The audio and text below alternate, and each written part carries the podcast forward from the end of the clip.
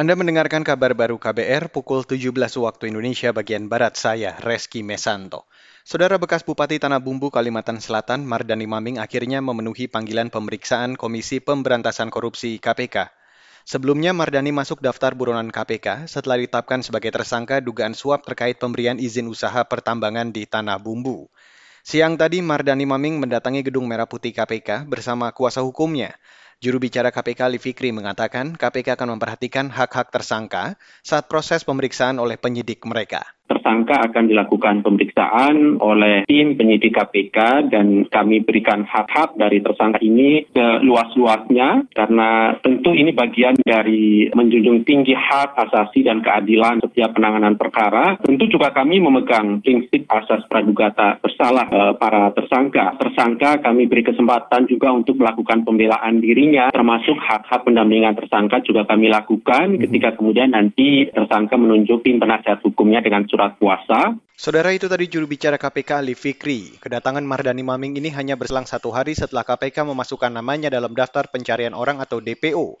Politisi PD Perjuangan itu jadi buronan usai KPK gagal menyebut Mardani di rumahnya. Bupati Kabupaten Tanah Bumbu periode 2010 hingga 2018 ini dua kali mangkir dari pemeriksaan KPK. Maming diduga menerima uang 104 miliar rupiah terkait penerbitan izin usaha pertambangan di Kabupaten Tanah Bumbu, Kalimantan Selatan dalam rentang waktu 2014 hingga 2021.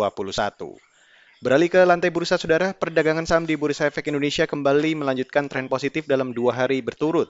Pada penutupan perdagangan sore ini, indeks harga saham gabungan atau IHSG melesat 58 poin ke level 6.958.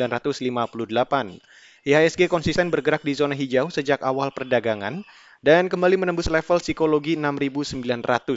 Penguatan IHSG didukung kenaikan hampir semua sektor saham seperti energi, industri, barang properti, konsumer, primer, dan keuangan. Melejitnya IHSG juga diikuti nilai tukar rupiah. Sore ini rupiah ditutup menguat 88 poin atau 0,59 persen ke level 14.921 per 1 dolar Amerika. Selain rupiah, sejumlah mata uang negara di Asia seperti yen Jepang, won Korea Selatan, rupiah India, dolar Singapura, baht Thailand, dan ringgit Malaysia juga menguat terhadap dolar Amerika. Dolar melemah setelah Bank Sentral Amerika Serikat The Fed menaikkan suku bunga sebesar 75 basis point. Saudara Kementerian Dalam Negeri meminta lulusan Institut Pemerintahan Dalam Negeri atau IPDN menjadi agen perubahan. Menteri Dalam Negeri Tito Karnavian mengatakan, lulusan IPDN bisa menjadi agen perubahan antara lain dengan cara melanjutkan belajar ke negara maju yang standar budaya kerjanya cukup baik. Hal itu disampaikan Tito saat menghadiri wisuda 2000-an lulusan IPDN.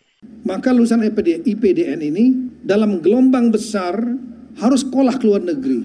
Di negara yang less koruptif, korupsinya kurang, disiplinnya tinggi, dan memiliki ketertiban yang baik, dan kultur working culture, budaya kerjanya juga baik.